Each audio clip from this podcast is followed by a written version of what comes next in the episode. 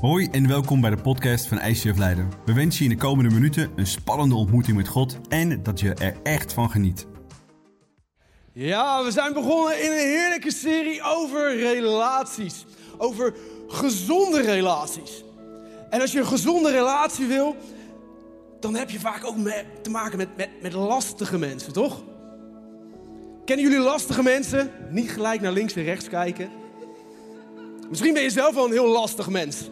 Kan ook, hè? Maar we willen gezonde relaties. Want we geloven als kerk dat we gezonde relaties willen hebben. In sterke relaties. Dus laten we met deze serie echt investeren. In gezonde, in sterke, in krachtige relaties. Dat we de beste versie van onszelf worden. Voor onszelf, voor God en voor alle mensen om ons heen. We duiken vandaag in het topic: hoe herken je manipulatie? En manipulatie is vaak zoiets stiekems, is iets kleins wat erin sluipt. Dus laten we beginnen met naar drie voorbeelden te kijken over manipulatie. Voorbeeld 1.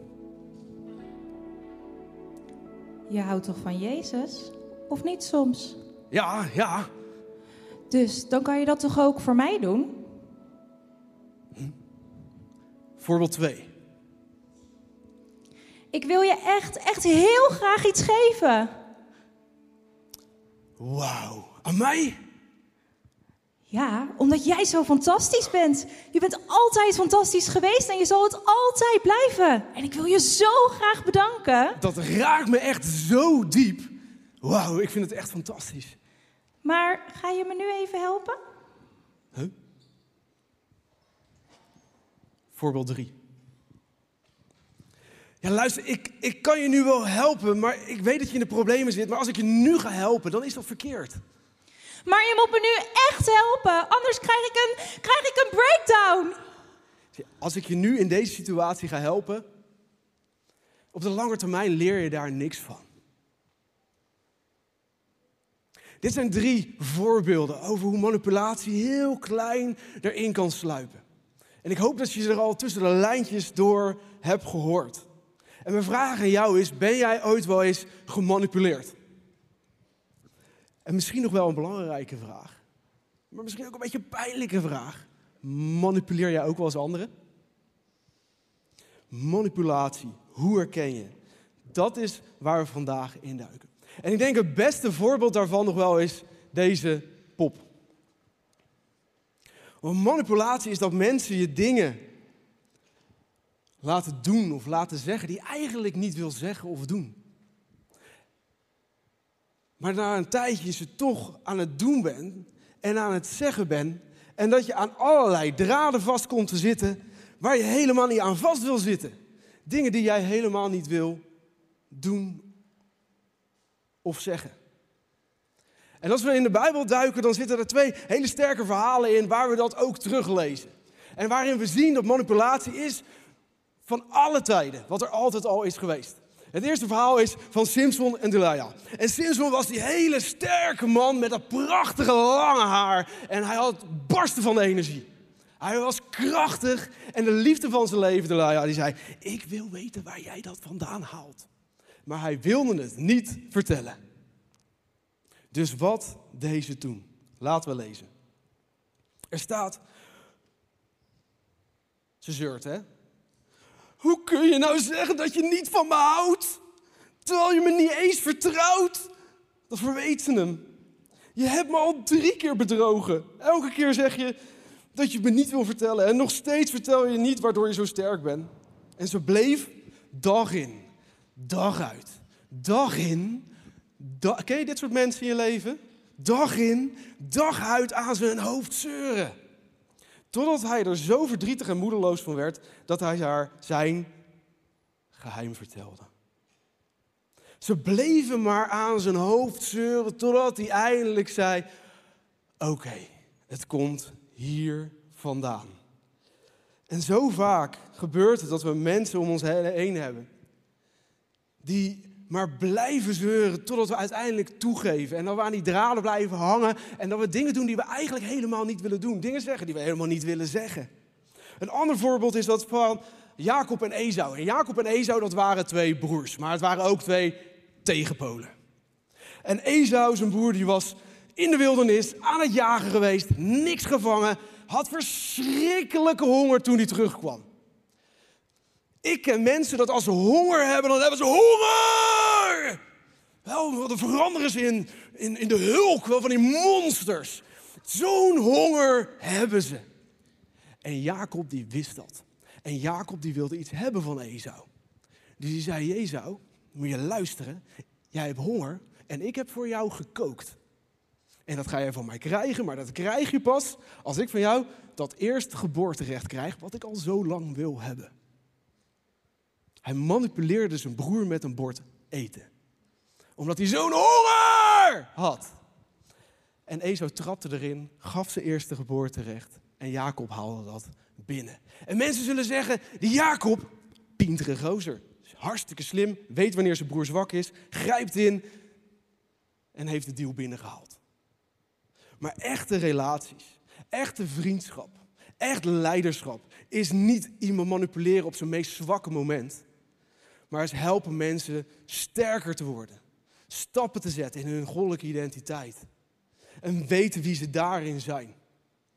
Echte relaties helpen elkaar stap voor stap sterker te worden. Dus laten we kijken vandaag hoe je echt manipulatie kan herkennen. Want er zijn drie gebieden waarop we manipulatie kunnen herkennen.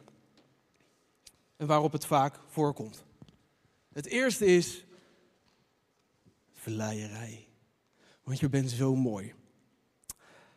Jij bent zo knap. Ik vind jou zo geweldig. Jij doet dat zo ontzettend goed. Het is die baas die, die je werk aan de ene kant en de andere kant en van alle kanten alleen maar ophemelt en prijst en zegt hoe fantastisch je bent. En je geeft je niet alleen een dertiende maand, maar ook nog een veertiende maand en ook nog een vijftiende maand. En jij wilt hier helemaal niet meer werken, maar je voelt je helemaal vastgebonden, want je baas die vindt je zo fantastisch en die geeft je astronomische salarissen, dus je kan hier niet meer weg. Kan gemanipuleerd worden met vleierij. Schuldgevoel is een tweede manier hoe, hoe manipulatie vaak plaatsvindt. Dat de ander je schuldig laat voelen en dat je daarom een bepaalde keuze maakt.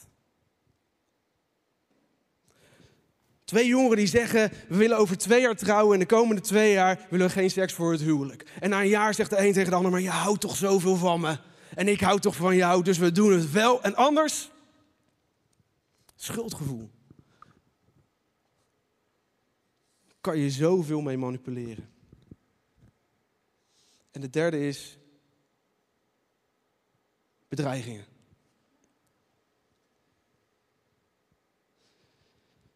Bedreigingen, als jij bij mij weggaat, dit vind je heel veel in relaties, in vriendschaprelaties, partners, man, vrouw. Als jij bij me weggaat, dan maak ik er een eind aan, dan is het helemaal klaar. En je bedreigt de ander om een bepaalde actie te manipuleren die jij zo graag wil. En de afgelopen tijd krijg ik regelmatig berichtjes op mijn social media. En dat is makkelijk. Ik krijg berichtjes uit social media. Mensen van ver, ver, ver weg. En die zeggen: Ik ben hier met mijn gezin. We hebben geen geld en we hebben honger. En ik zie dat jij zoveel doet voor de kerk. Jij gelooft ook in onze fantastische Jezus. Dus jij kan vast wel geld naar mij overmaken. Jij moet geld naar mij overmaken om ervoor te zorgen dat ik hier een goed leven kan leiden. En ze praten in op mijn schuldgevoel. En op social media is het makkelijk, want. En delete. Probleem opgelost, toch? Maar in het echte leven kunnen we mensen niet deleten. In het echte leven kan je mensen niet cancelen. Hoe graag we dat misschien ook soms willen, je kan mensen niet cancelen. Dus vleierij, bedreigingen, schuldgevoel. Het zijn draden die aan ons vastkomen te zitten, waardoor we gemanipuleerd kunnen worden, waardoor we dingen gaan doen en gaan zeggen die we eigenlijk helemaal niet willen doen en zeggen. Hoe herken je dat en hoe kom je er uiteindelijk vanaf? Want als mensen je in beweging willen brengen, dan doe je dat niet met schuldgevoel. Dan doe je dat niet met bedreigingen. Dan doe je dat niet met vleierij. Dan doe je dat met visie. Echte relaties geven elkaar visie. Als je hier nou een stap in zet. En je trekt een ander niet 100 meter uit zijn comfortzone. Nee, 1 procentje. En dan gaan we samen kijken hoe dat voelt. En daarna nog 1 procentje.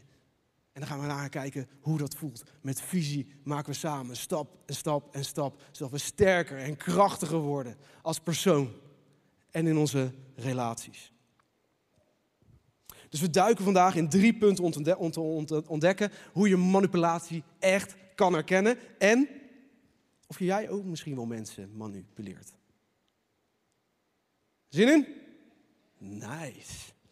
Dus hoe herken je manipulatie? Word gevoelig zodat je manipulatie in je leven kan herkennen.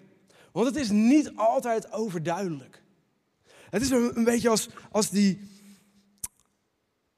je vader of je moeder of iemand anders waar je heel veel van houdt, die tegen je zegt: Ik wil zo graag dat jij op mijn verjaardagsfeestje komt. Want je houdt toch van mij? Dan kom je toch op mijn feestje. Als je van me houdt, dan kom je op mijn feestje en dan zeg je die vakantie af. En dan zorg je ervoor dat je hier naartoe komt. Simpelweg omdat iemand het niet voor elkaar krijgt om te zeggen: Ik mis je, ik hou van je en ik zou het fijn vinden als je erbij bent. Wees eerlijk. Wees eerlijk dat je iemand mist. En zeg simpelweg tegen de mensen waarvan je houdt: Ik hou van jou. Woe! Als je dat in een relatie gaat doen, dat maakt een verschil. Awkward om dat soms tegen je vrienden te zeggen. Je zegt: Ik hou van jou. Dank je. Dat je dat in een vriendschap tegen elkaar durft te zeggen, maakt een totaal verschil en neemt alle manipulatie weg. Want waar liefde is, is geen plek voor manipulatie. Een fantastisch verhaal over manipulatie lezen we ook bij Jezus en Petrus. En dit is leuk. Als je niet vaak de Bijbel leest, ga het vaker doen. Want soms zit je te lezen en denk je, wat staat hier? Komt-ie. Er staat, van toen af begon Jezus zijn leerlingen duidelijk te maken dat hij naar Jeruzalem moest gaan en daar verschrikkelijke dingen zou meemaken.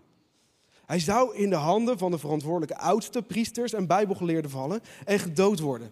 Maar op de derde dag zou hij weer levend worden. We hebben net de Paas Experience gehad. Het is een bekend verhaal dit, hè? Maar hier komt hij. Petrus nam hem apart. Wat? Petrus? Wie neemt hij apart? Jezus? Jezus was de verlosser. Jezus was de Messias. Jezus was zijn leider. Jezus was zijn teacher. Jezus was zoveel. En Peter zegt, ah, Jezus kom even, dit kan je eigenlijk niet zeggen. Hij nam hem apart en hij zei tegen hem, dat mag niet heren. God zal ervoor zorgen dat zoiets niet overkomt. En hier zie je dat de manipulatie heel sneaky gebeurt. En gewoon 9 van de 10 keer juist tussen vriendschappen. Juist tussen mensen die heel dicht bij je staan. Petrus stond dicht bij Jezus. En hij zei, dit gaat niet gebeuren. Waar haal je het vandaan, Petrus, om dat tegen Jezus te zeggen? Maar zo vaak vindt het juist plaats onder vier ogen. Neem je iemand apart en dat is waar manipulatie plaatsvindt. Want wat zou er zijn gebeurd als Petrus dit had gedaan met alle andere discipelen erbij? Ja, dan hadden ze waarschijnlijk gezegd: Petrus, kom, kom, luister eens. Dit kan je niet zeggen. Dit is Jezus' missie. Dit is de reden waarom die hier is, Petrus. En we begrijpen het. Petrus, Jezus is je beste vriend. En je wilt niet dat dit met hem gebeurt. Maar kom aan, je kan dit niet zeggen.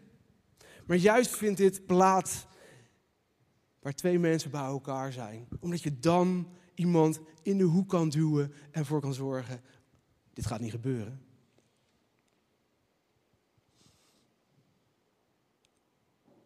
Dus in plaats van open en eerlijk te zeggen, dit kan niet gebeuren, zegt Petrus hier.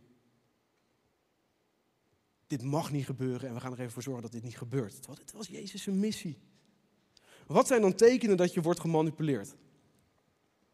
De eerste is dat je je schuldig voelt en het moeilijk vindt om nee te zeggen. Dit overkwam mij vroeger heel vaak op mijn werk. Er kwam mijn baas naar me toe en die zei: Matthias, moet je luisteren. Jij hebt de afgelopen tijd zoveel werk verzet. We vinden het, ik hoor van alle collega's dat je het zo fantastisch doet. Vleierij. En de komende vijf dagen heb jij vijf dagen vrij. Maar we zitten met een dienst die opgelost moet worden. En eigenlijk ben jij de enige die dat kon. Maar jij hebt wel vijf dagen vrij. Schuldgevoel. En ja, omdat alle anderen al moeten werken, ja, moeten we er anders misschien maar een dienstopdracht van maken. Bedreiging. Dit gebeurt zo makkelijk. En de baas denkt dat hij het fantastisch bij je brengt met al zijn vleierij. Maar eigenlijk doen ze niks anders dan je manipuleren in een bepaalde hoek. Dit gebeurt op je werk, dit kan gebeuren in je vriendschappen, dit kan gebeuren in je familie. Op alle plekken kan dit op deze manier gebeuren. Maar uiteindelijk zeggen succesvolle mensen vaak ja, maar regelmatig nee. Ik weet waarvoor ik sta. Ik trek hier de grens, ik neem een standpunt in en ik zeg nee. Ik laat me niet manipuleren. Ik laat dit niet gebeuren. De tweede manier hoe je het kan uh, tekenen dat je gemanipuleerd wordt, is dat je vaak compromissen sluit. En dat je niet bij je eigen overtuigingen blijft. En ik denk dat we in de hele wereld op een heel gek seizoen zitten, waar het eigenlijk al heel lastig is, al in je eigen vriendengroep, in je eigen familie, in je eigen werk, in je eigen buurt, te blijven staan waarvoor jij staat. Dat het soms lastig is om op te staan in een groep en te zeggen, uh, ja, moet je luisteren, wat ik eigenlijk bedoel is. En dat we compromissen sluiten. En dat we dat doen om ander te plezieren. Maar hier is mijn punt. Jezus ging met zondaars om. Maar hij hield niet van de zonde. We leven in een tijd waar ik van iedereen moet houden, maar ook van al zijn overtuigingen moet houden. Maar Jezus vraagt mij om van iedereen te houden. Maar ik hoef niet van je overtuigingen te houden. Ik hou van jou. Ik hou niet van je overtuigingen. Maar ik hou tot het diepst van mijn hart van jou. Waarom? Omdat ik weet dat Jezus tot het diepst van zijn hart van jou houdt. Dat hij zelfs aan een kruis is gaan hangen. Er is opgestaan om dat te laten zien. Dus als ik naar jou kijk, zie ik dat. Maar ik hoef niet van je overtuigingen te houden. En ik hoef geen compromis te sluiten. En ik hoef niet mijn overtuigingen opzij te zetten. Om een ander te plezieren. Maar ik trek een grens en ik neem een standpunt in en ik blijf daarvoor staan. Dus hoe kom je dan los van al die draden? Hoe kom je dan los van manipulatie? Dat is de grote vraag vandaag. Vraag God om je te helpen om echt een duidelijk standpunt in te nemen. Om te weten, wat is dan mijn standpunt? Wat wil God dat dan ik doe? Wat wil God dat ik zeg? Laten we kijken naar Jezus' reactie op Petrus. Jezus' reactie wanneer Petrus zegt: Ja, Jezus, hier komt niks van in dat plan van u. Dat laat ik niet gebeuren. Jezus zegt: Hij keerde hem de rug toe en zei: Maak dat je wegkomt, Satan. Je bent een valstrik voor mij. Jij bent niet gericht op wat God wil. Je bent gericht op wat de mensen willen. Jezus zegt tegen Petrus: Ga weg. Ga weg met al je menselijke wensen. Ga weg met al je menselijke gedachten. Ik ben hier om te doen wat God van me wil. Ik ben hier om te ervaren hoe God door mij heen werkt. Dat is wat ik wil zien gebeuren. Dus ik trek hier de grens en dit is hoe we het gaan doen. Jezus had direct door dat Petrus hem hier aan het manipuleren was. En hij trok direct die grens. En als jij doorhebt dat je gemanipuleerd wordt, trek dan direct die grens. Tot hier en niet verder. Ik laat niet gebeuren dat ik aan die draden vast kom te zitten. En hoe beter we weten en hoe beter we zien wat God door jou heen wil doen. Hoe beter we gaan begrijpen hoe God je gemaakt heeft. En hoe die door je heen wil werken. Hoe beter we ook begrijpen wat niet van God is. Hoe beter we ook begrijpen wat manipulatie is en wat God is. En weten we ook direct, hier ligt de grens. Daar laten we dat liggen en ik ga hier achteraan. Hoe meer we en dichter bij God blijven, hoe sneller we kunnen reageren. Hoe sneller we die grens kunnen trekken. En je hoeft niet gelijk te zeggen, maak dat je wegkomt, Satan. Zou het wezen, als je op een familiefeestje bent en je zegt tegen je oma, ja, oma moet je luisteren. Ik heb ervoor gebeden en ik weet het zeker. Ik ga niet studeren, ik ga werken. Ik start mijn eigen bedrijf. En oma zegt, moet je niet doen. Niet doen. Ga nou maar studeren. Geniet er nog maar eventjes van. Het is awkward om dan tegen je oma te zeggen: Ga weg, Satan. Ik zou het. Ik zou, ik, Ja, ik weet niet hoe jullie familie, familiefeestjes eraan toe gaan. Ik zou het niet doen. Uh, maar weet wel tot hier en niet verder. Je gaat nu een grens over en het is met liefde bedoeld, maar het is ook manipulatie. En dat laten we niet gebeuren. En het vindt zo vaak juist dus plaats binnen die hechte kring, binnen die hechte relaties. Met de vader, met je moeder, met je oma, met je vrienden, met je smallgroep, met je pastor, met je, noem het maar op. Juist die mensen die zo dichtbij staan. Trek die grens tot hier en niet verder. En daarom hebben we de Heilige Geest hier zo hard bij nodig. Als we dit goed willen doen, moeten we de Heilige Geest om hulp vragen. Om juist dat onderscheid te kunnen maken. Wat is manipulatie en wat is nou van God? Dit is enorm belangrijk. We lezen in de brieven van Paulus: wij zijn, eh, wie zijn eigen zin doet, die denkt en leeft alleen op natuurlijk vlak. Maar wie zich door de Heilige Geest laat leiden, denkt en leeft geestelijk.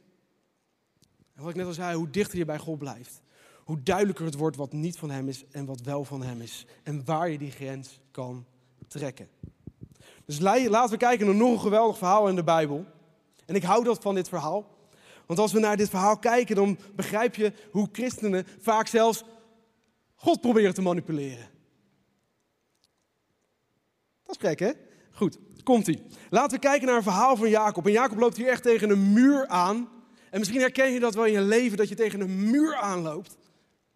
Dat je in de problemen zit, mentaal, in je gezondheid, noem het maar op. En dat je het niet meer weet. En dat je zegt, oké God, als u me hier uithelpt, als u me hier uithelpt, dan is 30% van mijn financiën de rest van mijn leven voor u.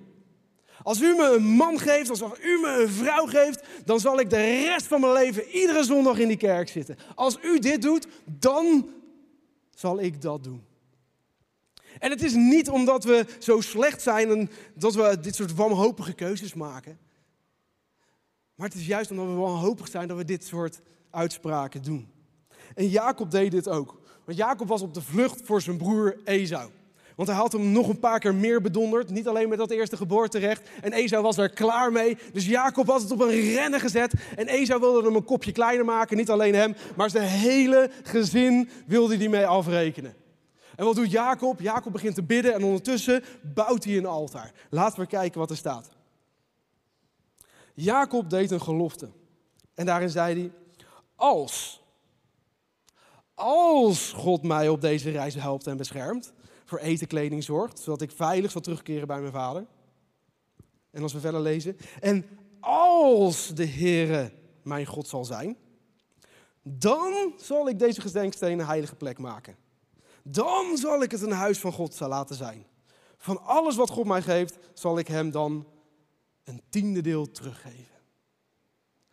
Wauw, Jacob, wat ben jij fantastisch. God zal wel hebben gedacht, Woe, super fijn. Ik, ik mag jouw God zijn, Jacob. God is al lang jouw God. God heeft je al lang alles gegeven. En alles wat je hebt is al lang van Hem. Dus die hele als Jacob, waar ben je nou mee bezig? En God houdt er helemaal niet van om gemanipuleerd te worden. En je kan God ook helemaal niet manipuleren. Je kan hem helemaal niet in een hoek zetten. Want hij kan niet in die hoek staan, want hij staat boven ons. Dat maakt ook dat als wij in een hoek staan, dat we altijd een uitweg hebben naar boven. Je kan God niet manipuleren. Je kan hem niet in een hoek zetten. Je kan niet zeggen als, als, als. En dan zal dit gebeuren. Ik wil er heel veel bij stilstaan bij wat ik hier nou echt mee bedoel. Want in de Bijbel staat dat je, als je gelooft dat het zal gebeuren, toch? Dat we geloof nodig hebben en dat er dingen in beweging zullen komen. Het staat in de Bijbel, dat is waar. Maar het kan ook de andere kant op slaan. Waar we zeggen, en wat je vaak hoort, als je gelooft, als je proclameert, als je het maar beleidt, dan zal het gebeuren in je leven.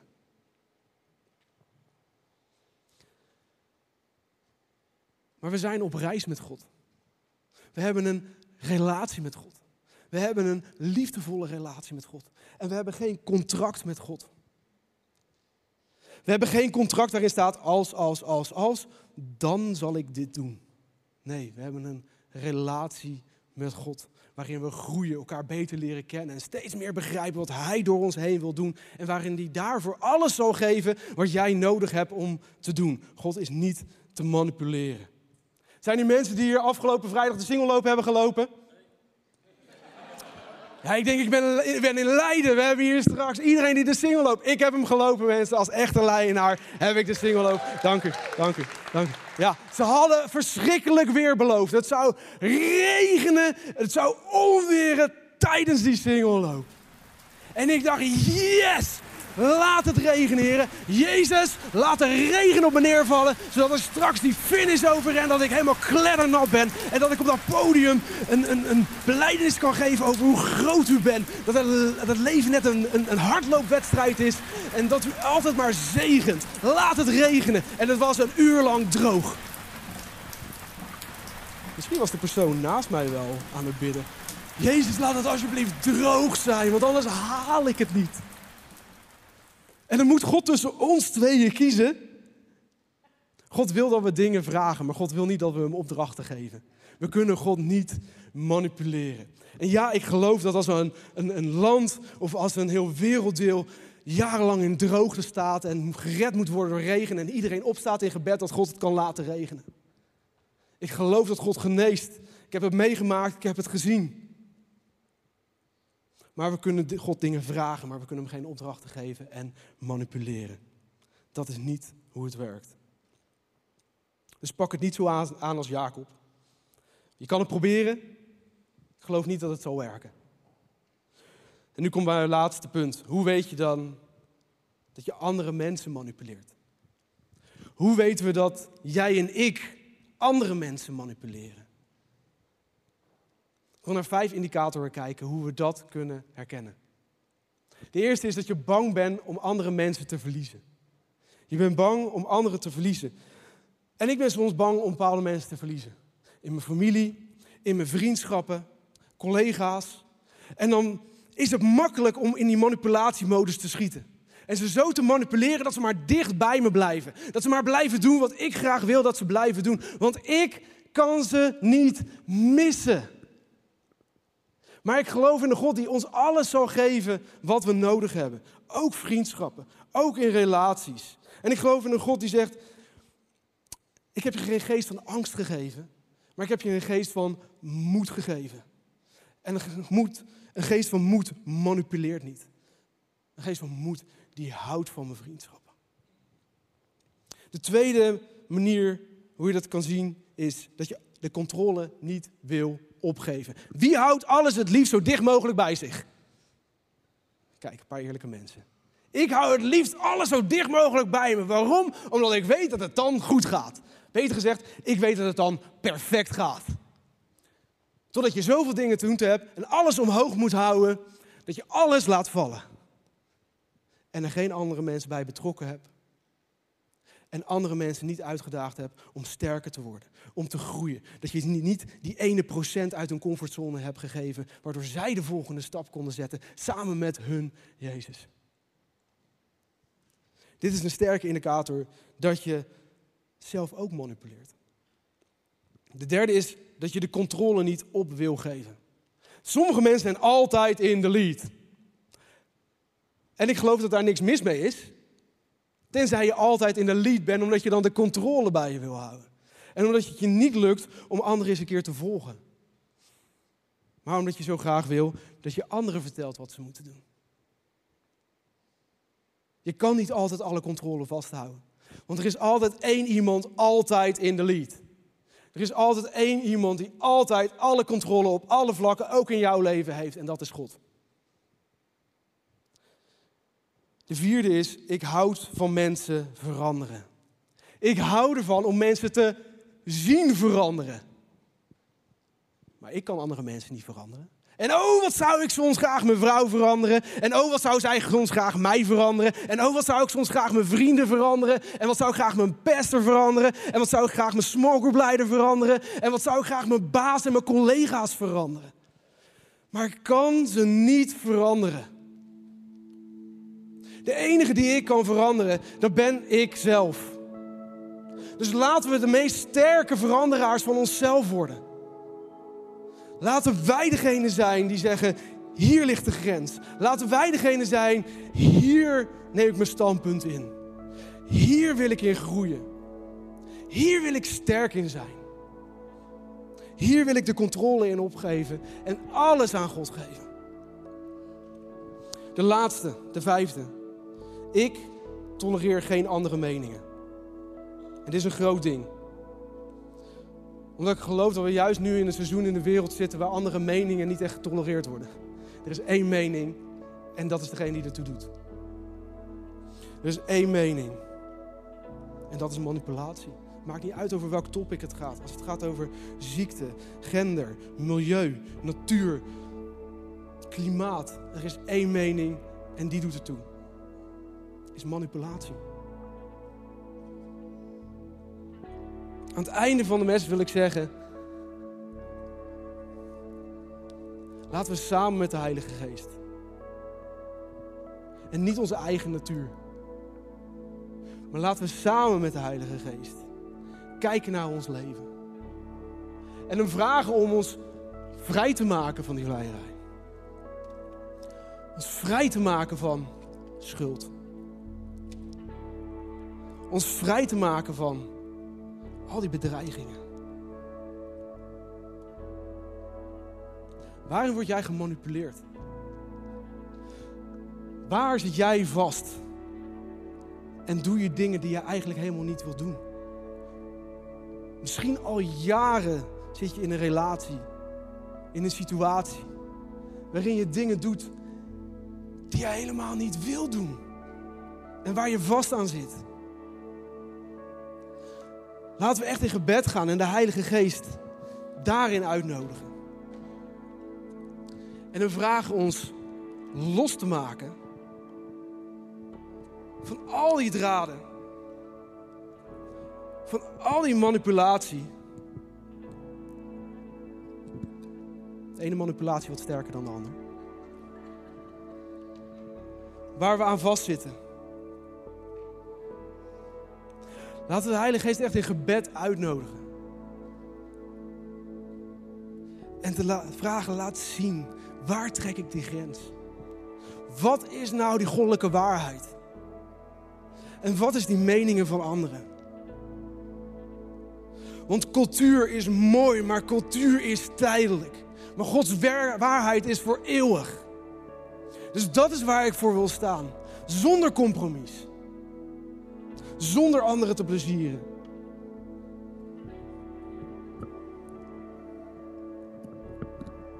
En me echt los te knippen. Van alles wat mij vasthoudt. En dat er nog maar één draad is wat mij vasthoudt. Dat er nog maar één iemand is die mij vasthoudt. En dat is God. Dat er nog maar één iemand is die de controle over mij mag hebben. Dat er nog maar één iemand is die mijn gedachten vast mag houden. En die me mag laten zien wat goed is en wat fout is. En dat er nog maar één iemand is die mij de kracht geeft om daar opnieuw elke keer weer voor te gaan staan. Mijn standpunt daarvoor in te nemen. Zullen we daarvoor gaan staan? Laten we daarvoor gaan staan en daarvoor bidden.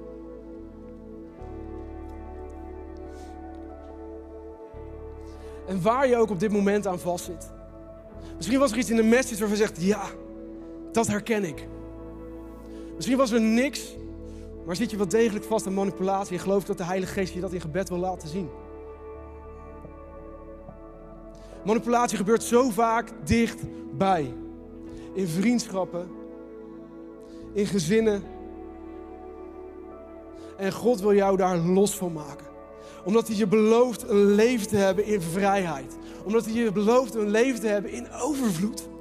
En dat betekent niet dat je misschien alles krijgt wat jij zo graag wil. Maar dat je wel al je wensen bij hem neer mag leggen. En dat hij je alles wil geven wat je nodig hebt. Zodat hij door jou heen kan doen wat hij door jou heen wil doen. Zodat je die wonderen in je leven gaat zien. Keer op keer op keer. Laat dan vandaag de eerste plek zijn, het eerste moment zijn waar je die wonderen gaat zien in jouw leven. Dat het eerste wonder is wat je ziet. Dat dat is wat God door jouw leven heen doet. Kom op, bid mee. Vader, we willen u danken voor relaties. We willen u danken voor vriendschap. We willen danken voor al deze mensen die u om ons heen heeft gegeven. En we willen danken voor de relatie die u met mij wil hebben. Met ieder hier persoonlijk.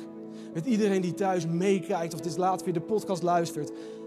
Wilt u een relatie? Een persoonlijke, liefdevolle relatie. En waar liefde is, is geen plek voor duisternis, is geen plek voor manipulatie. Maar is alleen plek voor uw vrijheid.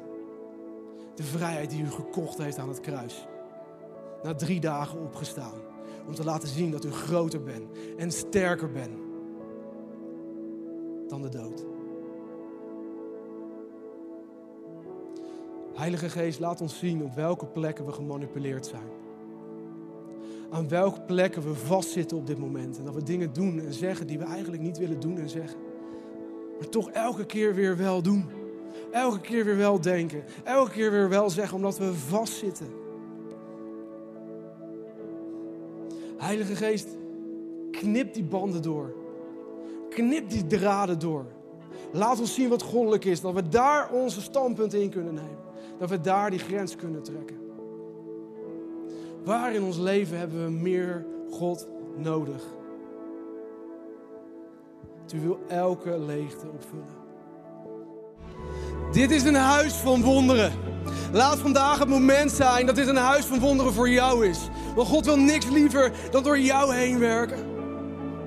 Bid met me mee, Vader. Ik wil vandaag die banden verbreken. Ik wil vandaag hier de lijn trekken. En ik wil vandaag dat standpunt innemen. Dat u van mij houdt. En dat u mij overal vrij van wil maken. Dus vanaf dit moment ben ik vrij in Jezus' naam. Op dit moment ben jij vrij in Jezus' naam.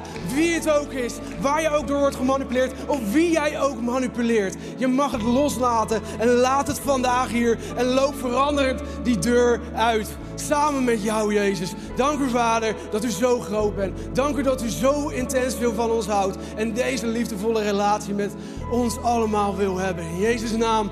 Amen. Wij hopen dat deze podcast je heeft geïnspireerd en verder geholpen heeft in je relatie met God. Wanneer deze podcast je geraakt heeft en je de inhoud ervan wilt helpen verspreiden, deel dan deze aflevering op jouw favoriete social media platform. Op deze manier horen meer mensen over Jezus en deze boodschap van hoop. Je kunt ons ook financieel ondersteunen, waardoor we een maximaal bereik krijgen op het internet en nog meer mensen nieuwe hoop krijgen. Bedankt voor alles wat jij mogelijk maakt. We geloven dat kerk een familie is, dus of je nu live erbij bent of online meeluistert, we willen jou graag persoonlijk leren kennen. Als we jou persoonlijk verder kunnen helpen, dan horen we dat graag. Check voor info en meer mogelijkheden op onze website. Fijne dag.